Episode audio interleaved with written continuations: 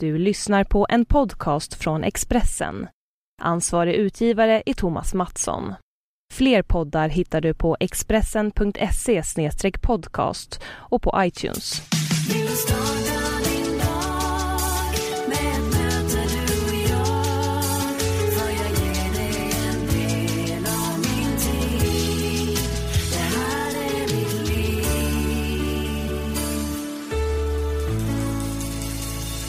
Hej och välkommen till podcasten Livshjulet och avsnitt 130.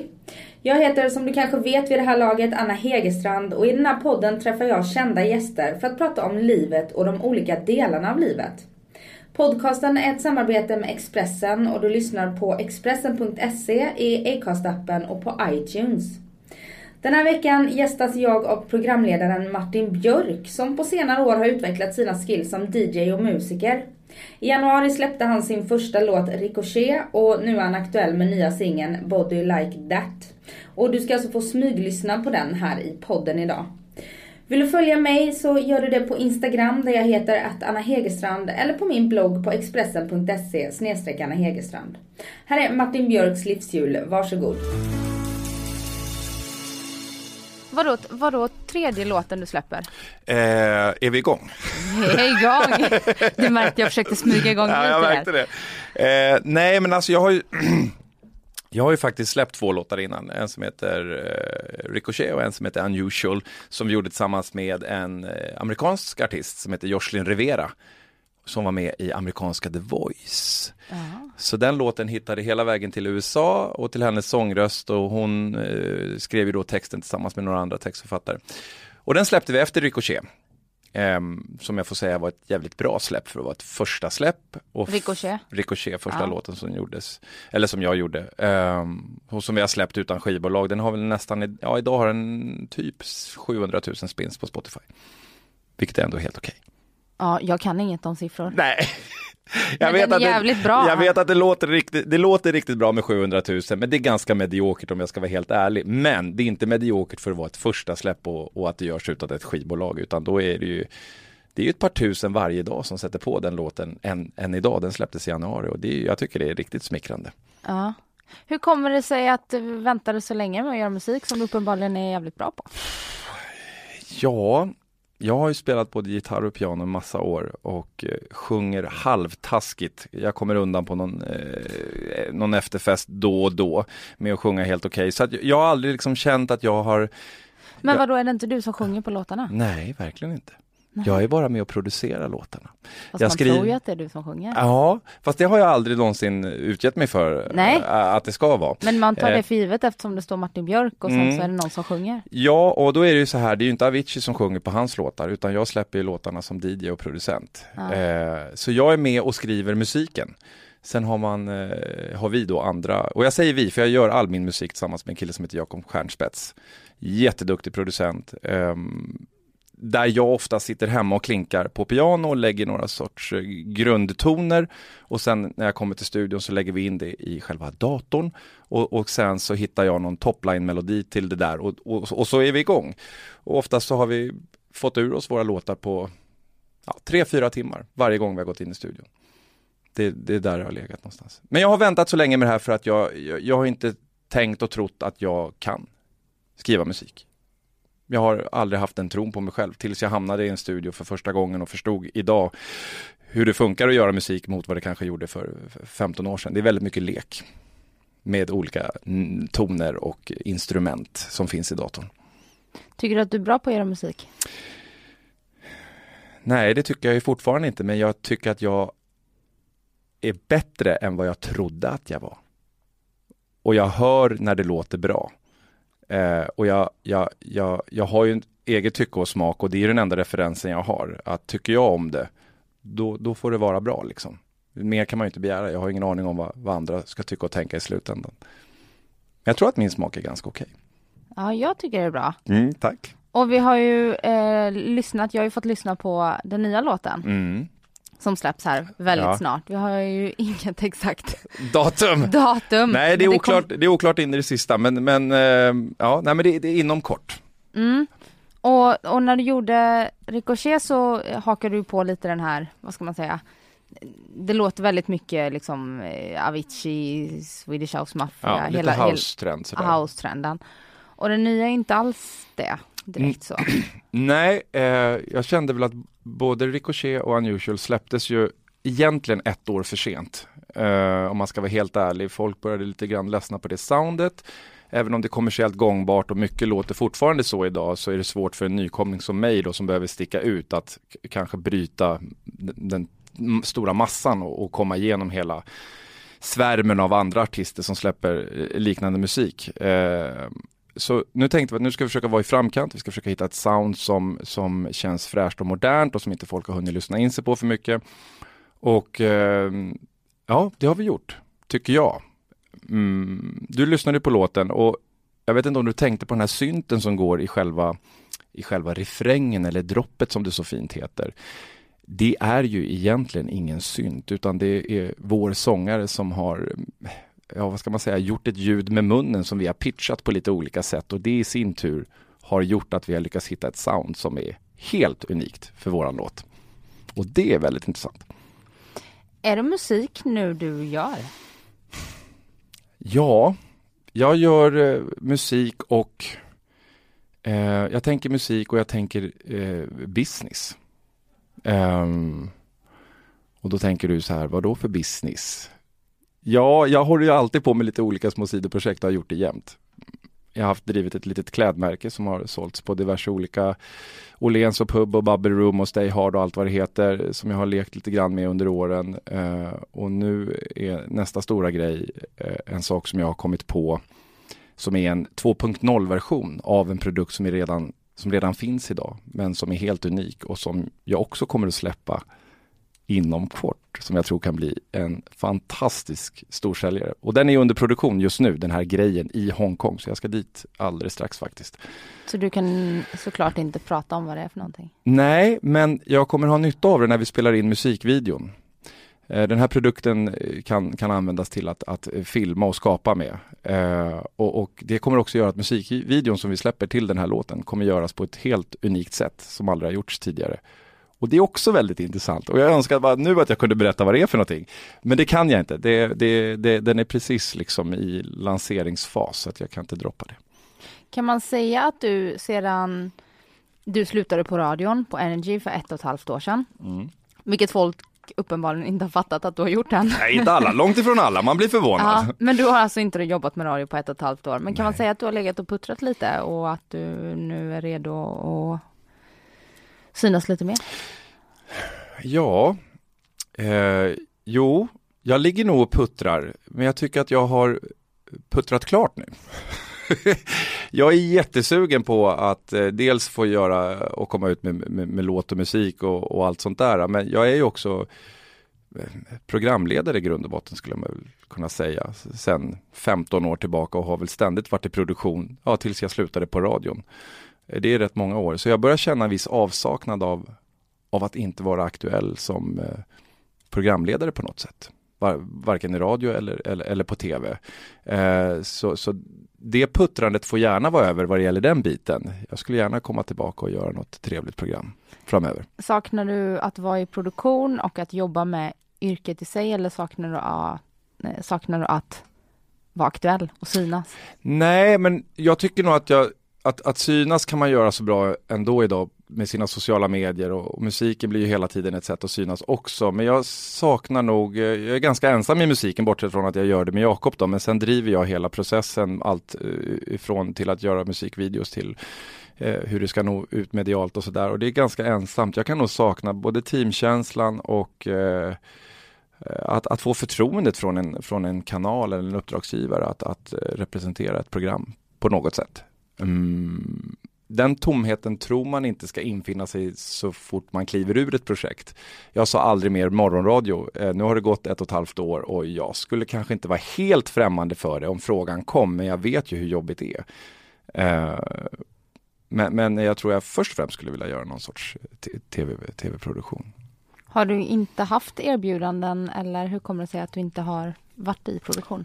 Nej, jag kan inte säga att jag fått något direkta erbjudanden, i alla fall ingenting som har varit eh, 100% intressant från min sida. Men sen tror jag också att jag har, jag har stått i en tv-ruta nästan varje år, både vår och höst i 15 års tid och efter det, eh, kan, alltså man behöver nog en, en liten downperiod. Och jag är i en sån downperiod nu om jag ska vara helt krass. Det är inte så att kanaler och produktionsbolag skriker efter Martin Björk. Och jag kan förstå att det är helt naturligt. Jag tror alla programledare har gått igenom den fasen någon gång under sin karriär. Och där är nog jag nu, men jag sätter mig ju inte ner och bara väntar utan då suger jag tag i något annat och det har ju varit att vara ute och DJ-gigga som jag är frekvent runt om i hela Sverige. Ehm, och det här med musiken då. Och jag är övertygad om att det i sig på något sätt kommer leda till något bra även om det inte blir en supersuccé med, eh, med låtsläpp, för det kan man aldrig veta. Men jag är helt övertygad om att, att det här genererar något för framtiden. Jag vet inte riktigt vad just nu bara. Men... Är det DJ-andet som är din eh, inkomst? Ja, skulle man kunna säga. Sen har jag jag har lite andra grejer som genererar inkomst i mitt liv. Eh, eh, återigen då som jag berättade tidigare med mitt klädmärke och lite sådana saker. Jag har alltid sidobusiness som gör att jag alltid har inkomst. För jag, jag har alltid tänkt att jag vill inte vara beroende av mina högre chefer inom produktionsbolag eller tv-bolag eller radiobolag. Eh, för att de följer trender och eh, de tittar på pengar och, och eh, reklamintäkter och funkar inte en produkt då måste man byta ut den och där är man utbytbar inom, inom den genren. Och det gör att man är väldigt sårbar om man inte har någon annan inkomst. Så jag har alltid sett till att driva inkomst vid sidan av mina, mina tv-jobb. Liksom. Eh, och det tror jag är det som har gjort att, att jag överlevt och inte är, behöver liksom sitta och äta dem ur handen. Utan man kan också ta bra beslut och, och göra saker som man verkligen vill göra. Inte känna sig tvingad för att pengar måste in. Liksom. Och det, det, är ju en, det är en skön känsla. Skulle du säga att du är entreprenör? Det skulle jag säga. Hur många företag driver du? Jag driver bara ett. Eh, men eh, du behöver inte ha många företag för att driva olika business. Jag har ändå fokuserat mig inom någon sorts underhåll, media underhållning. Eh, jag har kunnat lägga allt under samma, under samma tak. Eh, sen eh, är ju framgången, eh, den är ju o, alltså det har inte bara varit succégrejer jag har gjort på något sätt, men det har hållit mig flytande. Jag har pengar över på kontot och ja, jag investerar i lite fastigheter runt om i Stockholm och liksom tänker på framtiden hela tiden, att lägga undan. Man vet aldrig när man kommer i en period när pengar ska fram så att säga. Jag vet att du inte är speciellt nöjd med någonting du har gjort.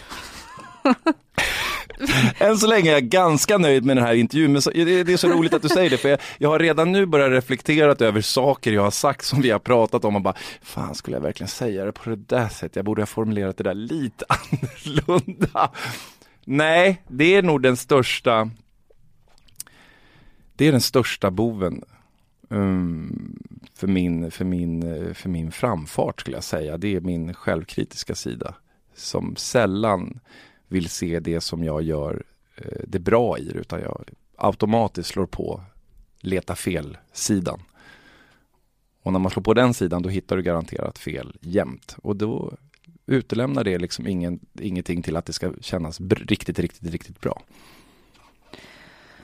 Jobbar du med den sidan? Ja, det gör jag. Eh, och jag har gått en massa terapi och liksom försökt hitta lösningen på diverse olika saker som det där kan generera då i slutändan. För det kan även innebära i en relation att man letar fel på sin partner och den partnern är ju chanslös mot ett sånt beteende. Problemet är att jag haft det här med mig liksom sedan uppväxten utan att ha någon vidare förklaring till det. Men den kommer ju såklart därifrån, så alla de här automatiska tankarna, de kommer från ryggraden när man minst anar det och grejen för mig är att jag måste ju ständigt jobba med det här och ibland funkar det okej. Okay. Eh, men allra oftast så är jag lite, lite, lite jäkla missnöjd. Men med den här låten som vi har gjort är jag nog faktiskt riktigt nöjd. Är det så? Ja, det är Du är 100 procent, ja, du hittar inga fel där? Nej, och Gud ska veta att jag har lyssnat på låten säkert 400 gånger. Uh, för jag försöker liksom kontrollera vad massan ska tycka om den. Om jag gillar den fortfarande, då har den en ganska bra chans att bli hyfsat okej okay, omtyckt. Om den uh, blir supersågad nu då? Är du fortfarande jättenöjd då? Ja, det är jag. Uh, jag vet att den inte kommer bli supersågad. man behöver inte tycka om musikgenren, men man kan inte säga någonting om personen som sjunger. Man kan inte säga så mycket om produktionen, för det är proffsigt och det är snyggt. Sen behöver man absolut inte gilla det. Och, och, det är den enda referenspunkten jag kan ha. Att är jag nöjd och allt det som jag precis nämnde är bra, vad, vad mer hade vi kunnat gjort? Nej, ingenting. Vi har gett den 110 procent och, och, och, då, då har man lite lättare att stå emot kritik också när man bara, ja men jag, jag kan inte bättre, vad ska jag göra liksom? Så, och jag är supernöjd. Så. Eh, du sa att det här med att vara lite missnöjd hela tiden och inte så mm. nöjd över det man gör, att det kommer att du har med dig det liksom från barndomen. Hur var din barndom? Mamma, lyssna nu riktigt, riktigt noga.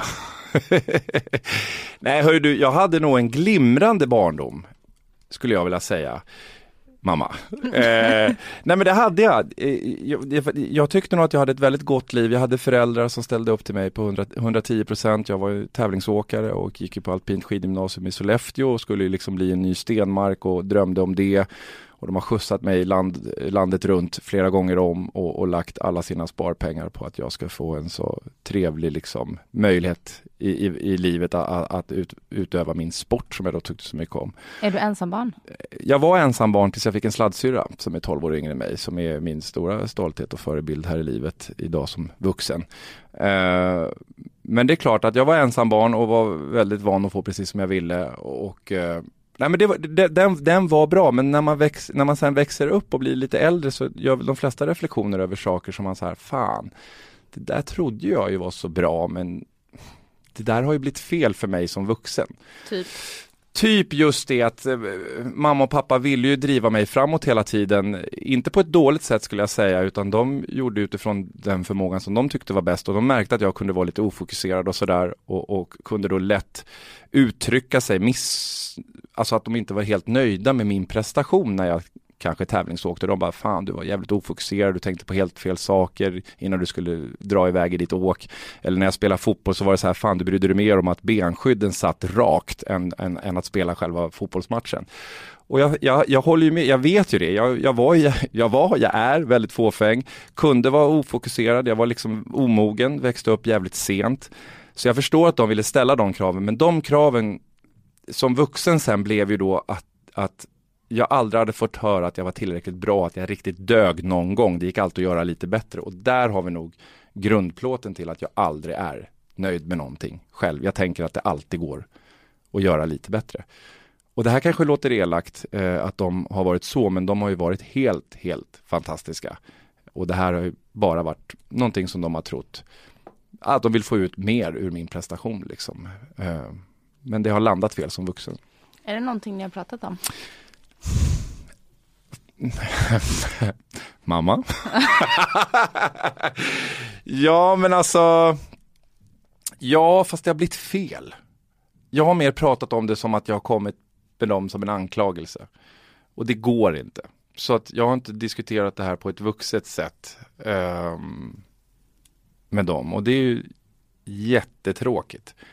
Så att de har nog bara känt sig lite påhoppade och känt att, vad fan, vi gjorde ju faktiskt vårt bästa. Vi tänkte ju aldrig så. Nej, jag vet, men så här har det blivit för mig nu. Titta, jag är aldrig riktigt, riktigt nöjd med någonting och det, det där känns så där och det där känns så där. Fan, vad tog min självkänsla vägen liksom? Och det är den jag sliter febrilt med för att tycka att eh, vardagen och livet ska vara rätt, eh, rätt gött liksom.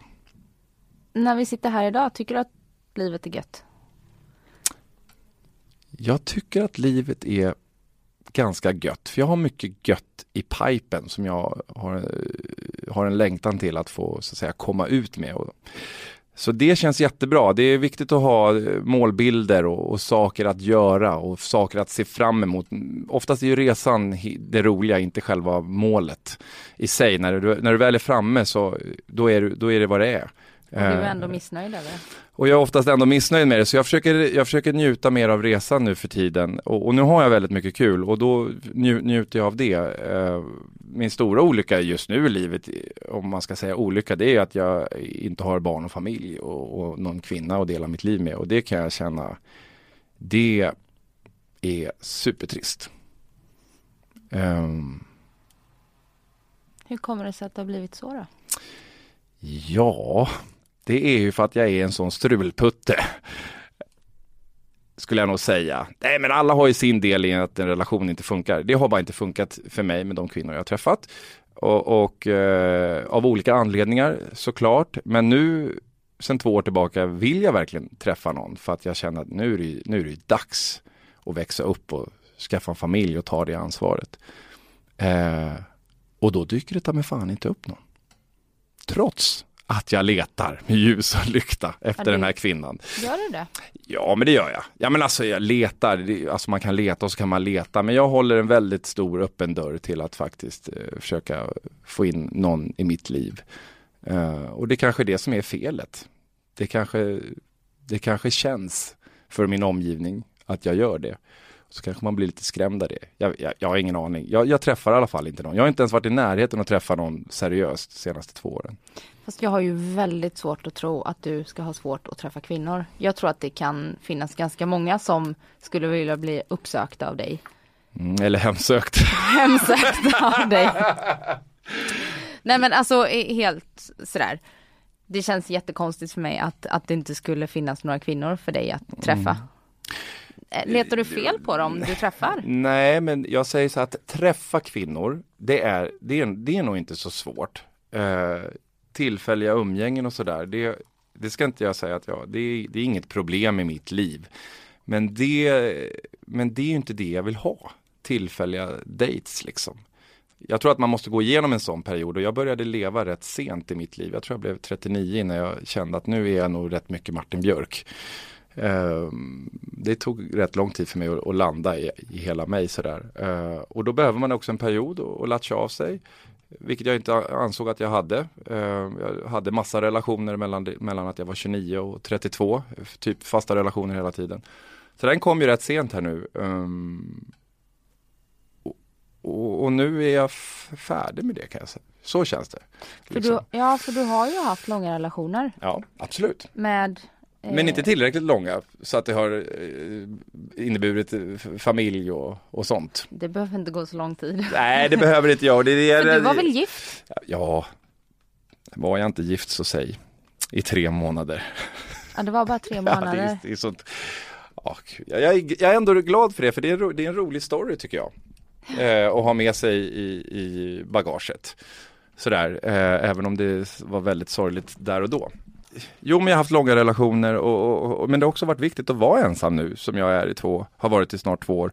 Men samtidigt märker man det, ju, ju äldre man blir och ju mer ensam man lever, desto mer rutiner drar man på sig. Och, och jag känner ganska snabbt att, att eh, det blir ett störmoment när någon också kommer in och ruckar lite på det där. Jag, det är inte så att jag har varit helt oträffad med, med kvinnor sådär och då kan det räcka att någon kommer och hänger en kväll man bara sitter och chillar och kollar på tv eller något sånt där så känner man ju genast att det ruckar ju på den här vardagen som är jävligt skön där man bestämmer allt själv. Så det, det är lyxigt att vara singel men det är jävligt ensamt många söndagar också. Men om någon bara kommer och hänger en kväll, vad kan man rucka på då? Nej men en kväll var väl kanske lite synd att Eller säga, en men helg. några, vi, vi säger några kvällar, vi säger några kvällar. Eh, en kväll var en absolut överdrift, såklart. Nej men bara no, no, några gånger sådär i alla fall, någon sorts, några små minidejter helt enkelt. Eh, så märker man att man har ändå, man har skapat sitt, du vet, man tycker om att äta på ett visst sätt och man tycker om att titta på ett visst tv-program och jag tycker om att träna på ett visst sätt. Och det, det, ja, så fort det kommer in någon så måste man ju genast börja prioritera. Mm. Så enkelt är det. Jag, jag vet precis vad du menar, för jag är alltid singel två år mellan mina relationer. Är du det? Fan vad, jag tycker Ja. att det här är världsmästarlänge, två år. Jag håller på att ta livet av mig. Ja, nej, men först tar det ett och ett halvt år att komma över. Ja, sen, okej. en och en halv tro- vecka skulle jag säga. Nej. hund. Gud vad hemskt. Nej, jag skojar bara. Nej, men, men eh, just det, man skapar ju verkligen, man, ju längre tiden går desto eh, högre krav sätter man ju upp också. Såklart. Och det, man får ju aldrig glömma av att man själv är mänsklig. Nej. Jag tror Nej. också att jag, jag tror också att ju äldre man blir ju mer skyddar man sitt lilla hjärta för det har ju blivit sårat så många gånger. Så man vill ju liksom inte riktigt bara fläka ut det för snabbt för att man vet ju också hur ont det gör när det tar slut. Samtidigt så måste man ju göra det för att ge något en, en ärlig chans. Annars kommer man ju aldrig kunna testa relationen fullt ut. Nej, vara beredd att offra någonting också. Eller hur? Eller hur? Och jag tror att det har också varit en akilleshäl för mig. Jag har varit livrädd. Jag tror att jag har haft lite gräset i grönar-tänket eh, många gånger. Så när det har blivit lite uppförsbacke så har jag haft jävligt lätt att kanske försöka slinka vidare eh, till, till, till något nytt. Och det låter ju... Flyktbeteende. Ja. Och det, ja, där, jaha, där, där sa du det, är så bra, det är ett flyktbeteende. Ja, det stämmer jättebra på mig. Jätte, jätte, jättebra. Så fort det blir jobbigt så vill jag helst ha en lite lättare väg. Men jag sliter något så förbannat att rucka på det i mitt privatliv för att jag vet att det svämmar över när jag är i relation. Så kan jag ta hand om det i mitt privata, att även där göra saker som tar emot. Så tror jag att jag kan bli lite bättre på det i relationen sen också. Har du nära till dina känslor och eh, lätt för att agera i känslor? Ja, men jag, jag kan känna, eh, jag kan sitta hemma ganska ofta och, och fälla en tår och, och, då, och då är det oftast i samband med att det händer någonting på tv. Men jag känner nu passar jag också lite grann på och gråta för annat skit som ligger där i botten och såsar som jag egentligen är ganska ledsen över.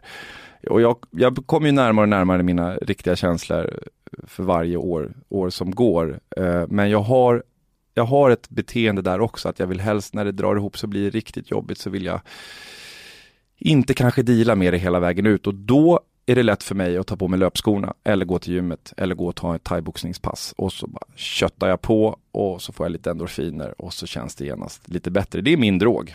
Träning. Ja, det missbrukarbeteende Ja, fast det är ett hälsosamt. Fast det är ett hälsosamt missbrukarbeteende och det Mm. för mig, för mig är det så här varje, varje dag när jag vaknar upp så en av de första tankarna jag tänker är bara okej, när ska jag träna idag? Så det, är en, det, är, det är en drog på ett missbrukarsätt.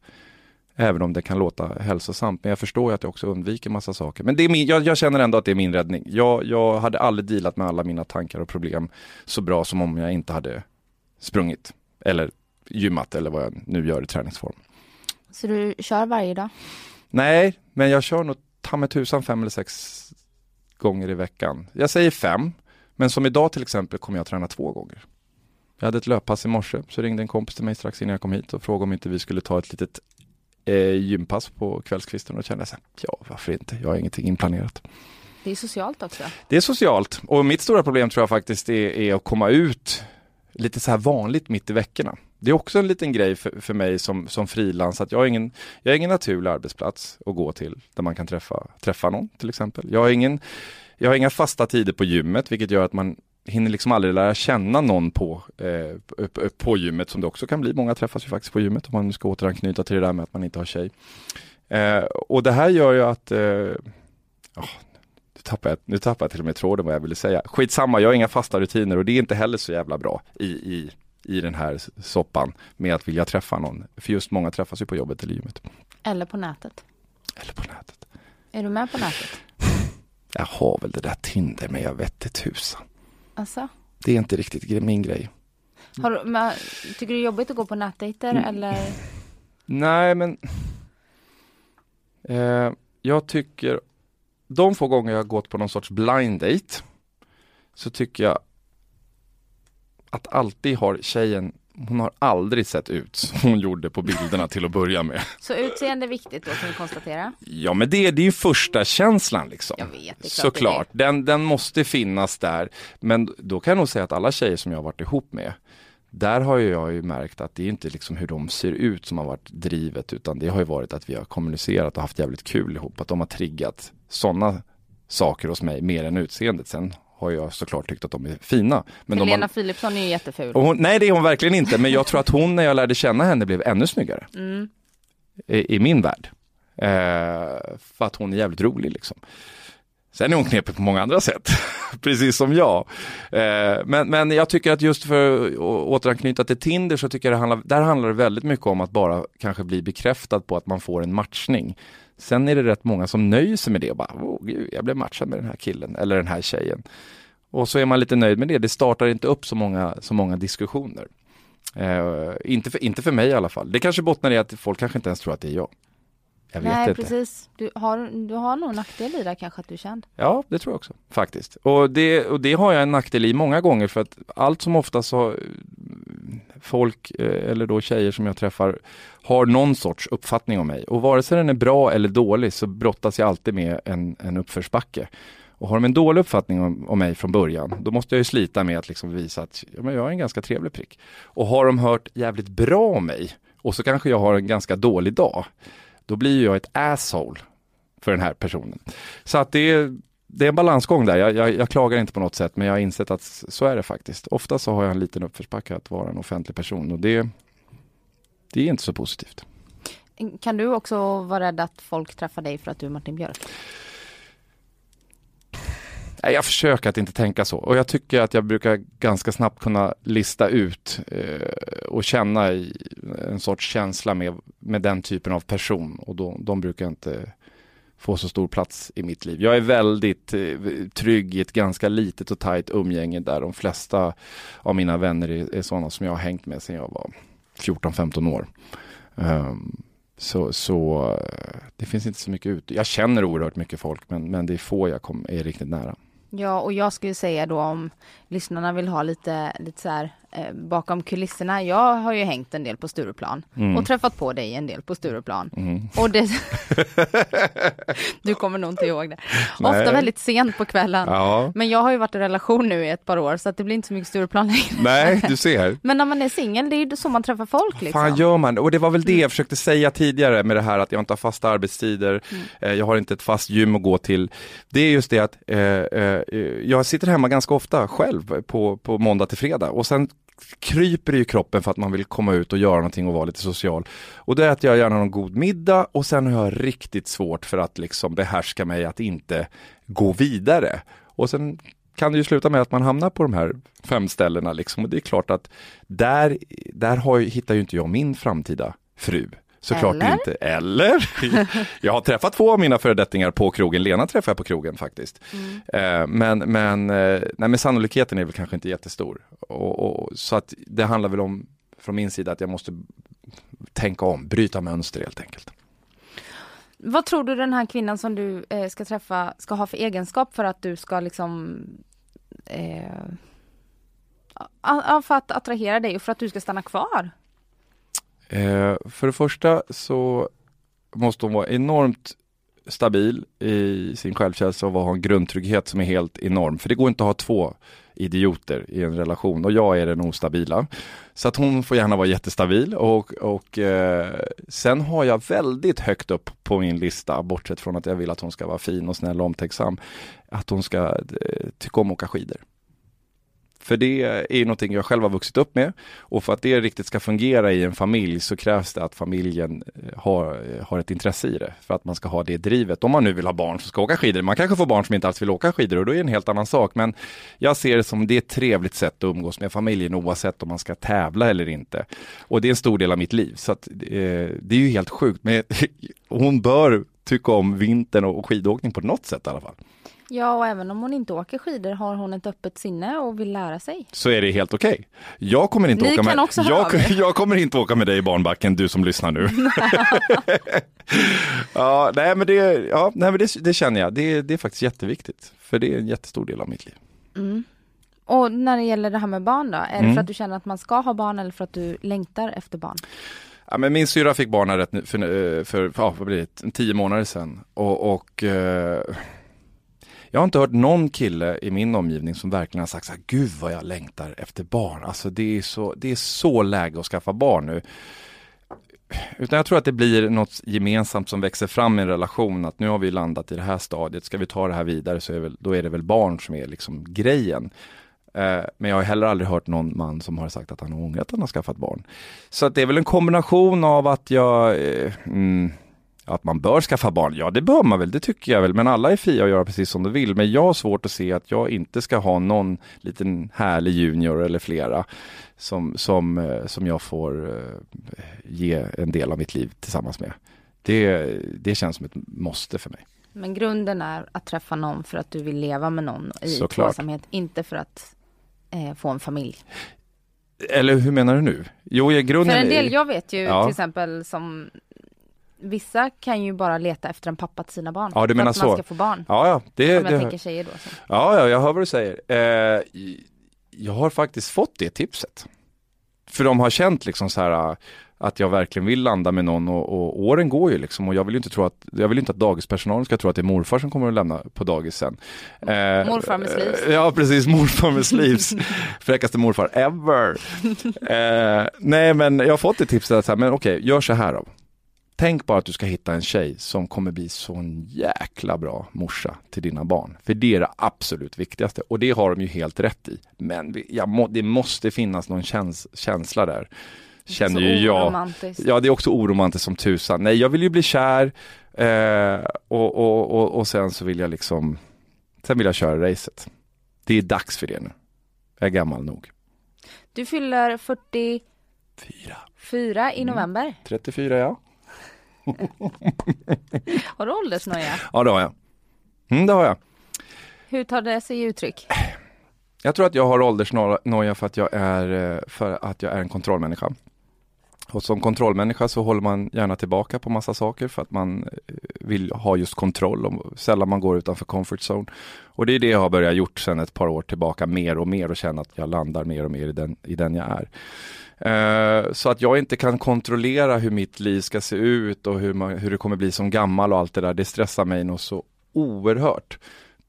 Och bara tänka tanken att man faktiskt nu går mot en halva där kroppen och, och allting går mot en sämre, sämre period än man hade från uppväxt och, och fram till nu. Nej, det, det, det vet, vet åh, jag kan få sån oerhört ångest av det. Så det, det, jag vill inte ens hålla på att tänka på det. det. Det är bara ångest för mig. Och att man känner att man är så här mitt i livet, man är utbytbar. Eh, det kommer nya unga människor som jobbar i samma bransch som jag jobbar i och man får slita hårdare och, och liksom sen är det en tjusning med att bli äldre också såklart för att man blir mognare och mindre orolig eh, i, i kropp och själ. Men, men eh, jag tycker inte det är jätteglatt att bli äldre. Um, Och ändå har du då nu gett dig in i en bransch där de flesta är 20 år yngre än dig. ja, absolut. Hur, hur tänker du kring det? Nej men då tänker jag så här, fan jag kan inte liksom bara ställa mig vid sidan om allt det här och titta på och inte göra en grej för att jag är 43 år gammal. Det funkar liksom inte utan jag kan ju fortfarande skriva musik. Uh, och, och är den bra så tror jag nog att jag får den respekten jag förtjänar och det skiter ju folk i egentligen i hur gammal man är rent, rent så, för jag är ju ingen artist som ska stå och sjunga min låt, utan jag, jag producerar ju bara musiken. Det är lite annorlunda tror jag om jag hade försökt ge mig på en singer-songwriter-karriär och skulle fronta det på ett helt annat sätt. Då hade det varit mer känsligt tror jag, men, men, men absolut så känner jag väl av att, att eh, hade jag gjort det här för 20 år sedan, då hade, ju, då hade man ju haft ett annat hugg från från kanske skivbolag och, och, och dylikt. Eh, Samtidigt som nu är det ju ett namn. Ja, nu, är, nu har jag byggt upp någonting och jag får ju, jag får ju liksom en lyssning och jag får eh, möjlighet till bra möten som många andra aldrig skulle få eh, om de kom som första gångare liksom helt okända. Så absolut, men jag döms ju väldigt hårt också så jag vet ju att det jag släpper ut måste vara så fruktansvärt bra så att folk med jantetänket bara håller igen käften. Mm. Om du tänker tillbaka liksom för 20 år sedan, om du skulle få leva om de här från 23 till 43, mm. vad skulle du gjort annorlunda då? Jag tänkte faktiskt på den grejen för två dagar sedan eh, eftersom jag 2010 bodde i Los Angeles ett halvår och bara tog lite skådeslektioner och ville bara känna av pulsen i den där stan och jag har alltid tyckt om att agera och sådär. Tänkte jag, skulle man kanske ha åkt till Los Angeles då och provat på den svängen som ung och liksom men jag provade en annan karriär, jag modellade ju under den tiden istället. Nej, jag vet inte om jag hade gjort så mycket annorlunda. Jag vet ju bara att idag är det mycket lättare att resa och ta sig och liksom världen krymper ju hela tiden med alla sociala medier och sånt där.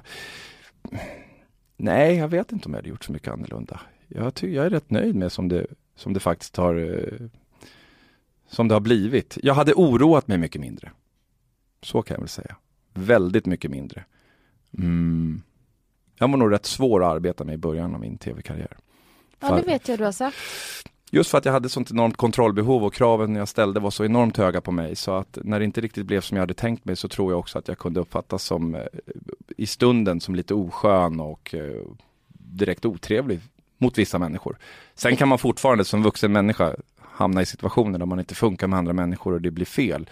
Men, men min stingslighet gjorde nog eh, att det fanns vissa människor som inte tyckte att jag var superlätt att jobba med. Eh, så att, och den byggde ju på oro, som sagt. Ja, det är ju rädslorna som tar sig uttryck i aggressivitet och kantighet. Precis. Fan vad bra, du kan ju det här. Så det, så det hade jag ju verkligen eh, tänkt på i större utsträckning. Eh, vart skönare mot mina kollegor tror jag. Det tog lång tid innan jag släppte in kollegor i, liksom, i mig, utan jag höll det väldigt professionellt. Och då märkte man också, då var det svårt att bygga vidare och bygga broar. Um, och folk kanske blev lite ytliga mot mig och det var inte så konstigt för jag var ytlig mot dem. Eh, och idag upplever jag ju dig som en väldigt eh, jag upplever ju dig som en fåfäng person, Mhm. vilket du säger att du är. Mm. Men eh, Vad bygger du det på då? Du tränar ju fem dagar i veckan och säger rakt ut att du är fåfäng. Ja, jag, jag tänkte om du hade någon annan eh, input som du kände, och så är det det här och det här och det här. Nej. men träningen och, ja men absolut, absolut. Ja, och, och lite så här att du, eh, du bryr dig om utseende. Mm. Så uppfattar jag dig. Men jag uppfattar dig inte som en ytlig person för den, de- för den delen. Du är otroligt öppen och släpper in. Mm. Ja, komsi komsi, här är Ja, det nej, men, öppet. ja, nej men det är, det är mycket roligare för mig att intervjua en person som, som vågar vara öppen och transparent. Mm. Såklart. Jo men det är väl just det jag har känt. Det är massa kollegor under åren som, som jag just inte har släppt in och som såklart haft väldigt svårt att förstå mig. Om jag bara hade satt mig ner och berättat, vet du vad? Det här som hände och om jag blir irriterad, det bygger på det här och det här och det här och jag är egentligen bara orolig och livrädd. Eh, och, och vill bara att ni ska veta det. Så hade det underlättat såklart många gånger. Jag, nu målar jag ut mig själv som att jag var ett svin att jobba med, vilket jag absolut inte skulle säga jag har bara vissa minnen av vissa händelser som man kände så här, fan det där hade du kunnat gjort så mycket bättre liksom. Um, så jag, jag märker ju att jag får ju en uh, en, en, ro, en bättre relation med min omgivning om jag också vågar vara lite öppen mot dem och bjuda lite på mig själv. Sen väljer jag ju när jag vill göra det och när jag inte vill göra det. Men jag tycker livet blir lite härligare när man är lite mer öppen. Framförallt så är det ju mycket härligare att umgås med en person som inte livet är tipptopp för. Eller hur, eller hur? Mm. Den typen av person har jag ju såklart varit där det yttre har speglat eh, inte en sanning så att säga. Den har speglat att här var allt glatt. Men du vet, här inne mår jag skit. Och det har ju inte framkommit. Men som sagt, det har ju kommit med åren och det är, det är jag väldigt glad för. Att jag, man ska inte gå för länge och bära skit själv. Det mår man bara dåligt av. Man Nej. måste ha sina bollplank. När kom du fram till det? Eh, skilsmässan 2004. Kände att nu får det vara nog. Nu går det liksom inte. Vi hade en väldigt destruktiv relation på slutet. Eh, av olika anledningar där. Och nu kände jag bara att nej, men det, här, det här funkar liksom inte. Och det var då jag började gå i terapi. Och sen så eh, har jag haft olika terapeuter som man då har surrat med. Eh, men framförallt så har jag idag min syster som bästa bollplank. Och det, det kan räcka med en person där man bara kan spy ut allt. Och veta att det stannar där. Och man får, eh, man får någon som lyssnar och inte tillrättavisar utan bara försöker förstå och höra vad jag säger. Och det är fantastiskt. Som älskar en trots att man... Ja, oavsett. Jag Ja. kan berätta vad som helst för henne. Och det är ju det är, det är värsta lyxen. Och det önskar jag också att man hade insett tidigare. Men hon var ju lite yngre än mig också så det, det föll sig naturligt när det väl hände liksom. Mm. Och just det här med att du eh, inte har kontroll vad som kommer hända framöver och hur Mm. du kommer må och allt sånt där. Vi ska inte gå in allt för mycket på det, du kan vara lugn. Men, men, eh, men när det gäller ekonomi och att vara frilans och Mm. boende, och hur, hur tänker du kring det? Hur bor du idag till exempel? Jag bor svinbra. Jag bor i en fantastisk eh, etagelägenhet. Eh, gud vad det här kommer låta. Men det är faktiskt så. Jag bor i en fantastiskt eh, li, liten men naggande god etagelägenhet med nästintill tre terrasser. Varav en är på taket med sol från morgon till kväll. Som jag trivs väldigt bra i. I Stockholms I, Stockholm, innerstad? i Stockholms innerstad. Ehm, ja, så bor jag helt enkelt. Och du, vill, du är stadsråtta, du gillar det? Ja, eh, jag, jag kan älska att komma upp till Idre där mamma och pappa har ett vinterhus och åka skoter och hänga med locals. Eh, det är en enorm fröjd och jag känner att jag, jag trivs väldigt bra i, i det forumet. Men jag skulle inte vilja bosätta mig i Idre för den sakens skull. Men jag känner mig som en stadsråtta. Men jag mår jättebra när jag kommer utanför stan också och bara får vara. Och när du blir stor då? Hur vill Mm. du bo då? Nej, men jag tror att först bor jag nog säkert i en, eh, i en lägenhet. Eh, men som så många andra som eh, bildar familj och sådär så kan man ju ändra de tankarna när man, när man ser och förstår hur mycket det kan underlätta att bo lite utanför i hus till exempel. Ungarna kan springa fritt på ett annat sätt och sådär. Ehm, det har jag ingen aning om hur det kommer bli. Men jag känner att jag vill, jag vill, jag vill bo i stan, jag gillar pulsen. Och det spontana är att man när som bara kan slinka ner och vad man nu vill göra, ta en bio som jag aldrig gör för övrigt men, men vad Du man nu kan. gör. Jag kan och det räcker.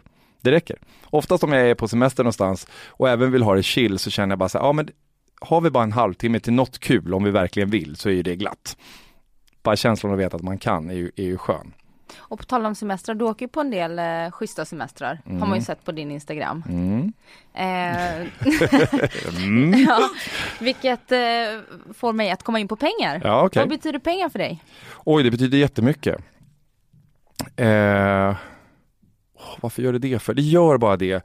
Eh, jag, återigen, jag är kontrollmänniska. Jag har frilansat i hela mitt liv. Eh, när jag var 23 år gammal så vet jag att jag tog ett beslut där jag sa till en kompis till mig, från och med idag ska det aldrig finnas mindre än 30 000 på mitt bankomatkonto. För jag var så jävla less på liksom att ha en ojämn inkomst. Och sen, sen blev det faktiskt så. Jag har en enorm fixering vid att kunna känna mig trygg, Um, och, och kunna överleva längre perioder utan, utan en inkomst om det, om det skulle vara så. Så jag är en riktig spara och jag har investerat bra tycker jag och jag har en bra och stabil inkomst som gör att jag kan härda ut längre perioder om, om jag inte nu skulle ha några pengar. Och jag tror att pengar för varje frilansperson är, är viktig. Det, det ska in och jag vill ju helst inte röra sparat kapital utan man vill ju, man vill ju ha rulle hela tiden. Eh, Så jag skulle säga att det är skitviktigt för mig, även om det låter ocharmigt. Är du snål? Jag är dumsnål tror jag. Ehm, jag kan vara jättesnål mot mig själv och vida och vända på småpengar som jag inte egentligen borde bekymra mig om. Eh, jag kan också leta, och det här har jag fått av morsan, hon kunde ju leta boende när vi skulle ut på så här tävlingar på helger och sådär. Eh, det viktigaste var att vi bodde billigt i princip, men det skulle också vara bra, såklart. Och jag kan känna igen mig i det där, ibland kan jag hetsa på billighetssaker bara så här helt, helt i onödan. Samtidigt som det blir en konstig kontrast, för jag kan också bara gå och köpa någonting väldigt, väldigt, väldigt, väldigt dyrt utan att blinka. Men då ofta, ofta med kommer det någon sorts ångest med det. Ja, det gör det. När jag har bränt mycket pengar. Jag bara, nej, det där var jag fan inte värd alltså. Kan Så du berätta om något dyra. sånt köp? Ja, senast nu hänger det fortfarande en rock hemma. Jag, jag gick och handlade för, ja, jag tror det var 9000 eller något sånt där. Och det var ett par skor och en rock och en, och en tröja tror jag. Och det var ändå så här, fan det var, det här var, var det rimligt av mig att gå och handla det? Jag fortfarande hänger rocken hemma på test. Och jag tittar på den lite så här varje dag, bara, är jag värden där? Är jag värden? Så på så sätt kan jag mena att jag är dumsnål, för min ekonomi kommer inte gå under, för att jag behåller rocken. Men jag tycker att det ska finnas en anledning för mig att, att, att, att den ska användas. Och då kan jag gå och köpa ett par skor för 10 000, blir de sen använda v- nästan varje dag, då var det hur värt det som helst. Så jag är lite praktiskt lagd o- också, att det ska ta med tusan användas, annars mår jag riktigt, riktigt, riktigt dåligt. Så på så sättet är jag väl då mhm, eh, lite snål, för jag vill inte wastea pengar på något som bara hänger i garderoben. Det är ju ganska rimligt. Ja, det är rimligt, men alla är inte så. Det är många går bara och köper och så bara, ah, men det blev ingenting med det här, det hamnade, det hamnade där, jag använder det aldrig liksom så här. Vilken jävla waste alltså. Ja, kan jag få jätteångest av om det hänger kläder med prislappen på. Ja, det förstår jag.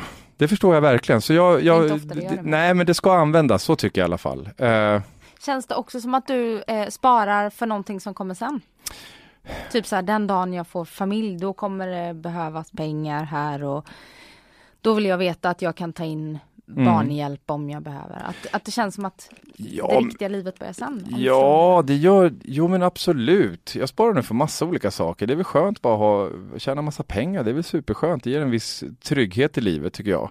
Mm, men jag har också blivit bättre på att inte spara så mycket. Och då men, där, där, är, där går, försöker jag gå emot den här snålsidan hos mig själv. För att även, jag skulle kunna, helt ärligt, jag skulle kunna gå och shoppa grejer varje dag om jag ville. Men jag försöker alltid tänka så här, okej, har jag förtjänat det här nu? Har jag gjort någonting bra? Har jag dragit in stålar på något sätt eller vad är det som gör? Och det kan vara rätt knäckande också att jag inte bara så här, jag kan vara riktigt missunnsam mot mig själv. Mm. Så jag försöker vara mer schysst mot mig själv och tycka att, men vad fan, du har ju råd med det där. Köp det då. Om du blir glad av det, så gör det. Men jag kan ha oerhörda dialoger med mig själv. Om jag är värd det och varför ska du ha det där för? Och, ja, så det är enorma brottningsmatcher med, med mitt, eget, eh, mitt, eget, mitt eget hjärnkontor. Tror du att folk i din omgivning uppfattar dig som överekonomisk? Ja, Är du snål mot dem också? Det tror jag. Nej, men jag har blivit bättre. Men jag skulle nog säga att om du frågar mina kompisar så skulle de säga att jag ofta eh, när jag var runt 20, ja, 23-24 där någonstans, när de trodde att jag hade jättemycket pengar, vilket jag inte hade, så kunde de säga att jag kunde överleva på en 500 jag vet inte hur många utegångshelger, för då var det gärna så att, nej men fan jag har bara en 500 jag vill inte sprätta den. Vad det nu kunde vara för någonting. Eh, nej men jag, tycker, jag försöker jätteofta vara generös mot mina vänner eh, i min takt. Sen finns det de som är väldigt mycket mer generös eh, än, än, vad jag är. Men jag skulle nog säga att de skulle säga, de skulle nog säga att jag är lite snål, tror jag faktiskt. Och du kanske skulle säga att de är lite slösaktiga? Nej, jag skulle bara tycka säga så här att eh, era otacksamma svin skulle jag vilja säga.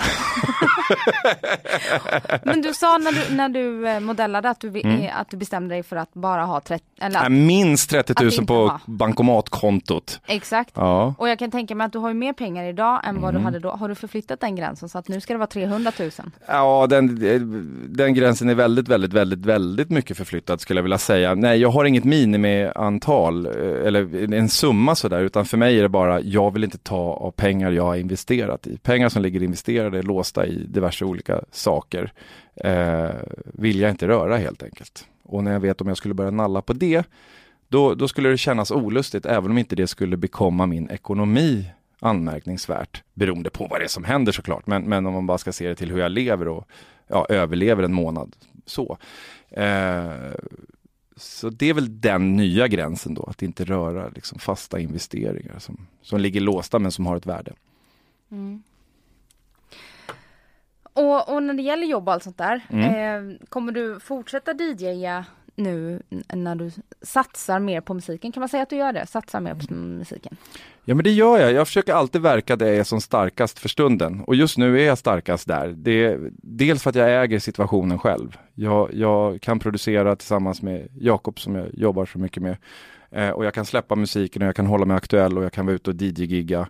Eh, så det är absolut mitt största fokus. Eh, I kombination med den här grejen som jag berättade om som jag ska åka till Hongkong och eh, titta lite närmare på här inom kort. Mm, den tror jag såklart jättemycket på, men det är en helt annan, annan grej. Men den kommer jag satsa jättemycket på om den faller ut som jag hade tänkt mig. Har du investerat alla pengar i den själv? Uh, ja, det har jag gjort. Det har jag gjort. Det. Det, det har inte krävts så mycket pengar eh, exakt just nu, men det kommer att krävas vid lansering. Eh, men då har jag ett bra företag i ryggen som är villiga att se till att det kommer ut på marknaden. Så jag hoppas att det samarbetet eh, går i lås med att vi levererar en produkt som är fantastisk. Har du varit i Hongkong innan? Nej. Och tanken är ju såklart också när vi är i Hongkong, det är då vi ska spela in musikvideon till nya låten. Ja, ah, vad häftigt. Och den kommer ju då göras med den här speciella tekniken. Eh, som jag hoppas ska få lite viral effekt. Och att kidsen ska tycka att det är lite coolt. Nu blir jag jättenyfiken. Ja, jag förstår det. och prata om grejer, du får inte säga A och sen inte B. Ja, nej, men du kommer att få reda på det inom kort. Ja, och Martin, tack snälla för att du kom hit och gästade mig. Det var jättekul. Tack för att jag fick komma. Och ha dig här och eh, som sagt, att ha en öppen och transparent intervjuperson, det är drömmen för mig. Ja, vad härligt. Och nu ska lyssnarna få höra din nya låt också. Vad kul. Ja. Ja, Body Like That heter den i alla fall. Eh, ja, du får bara köra på den. Yes. Vi rullar igång.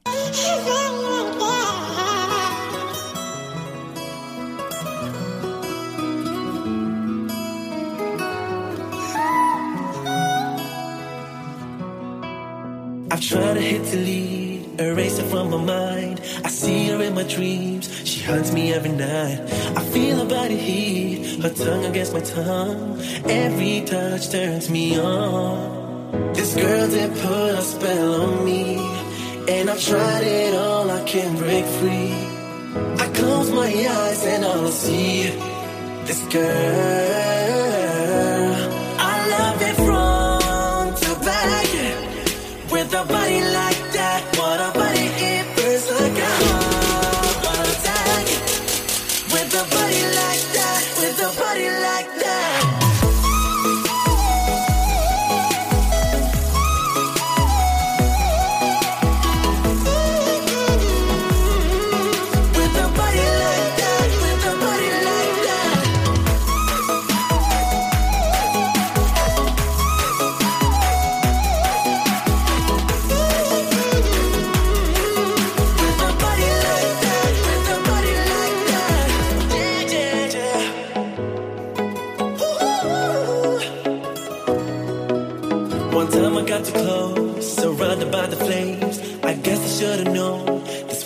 I feel the body heat, my tongue against my tongue. Every touch turns me on.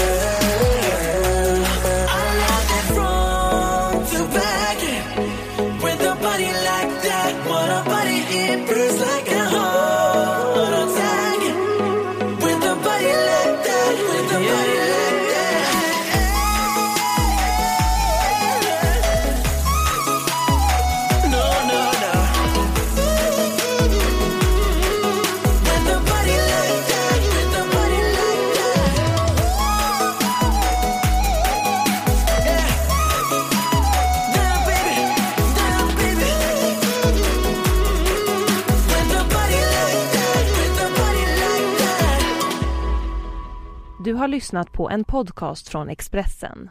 Ansvarig utgivare är Thomas Mattsson.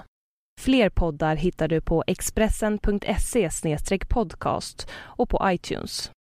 Snart startar vår stora färgfest med fantastiska erbjudanden för dig som ska måla om. Kom in så förverkligar vi ditt projekt på Nordsjö Idé och Design.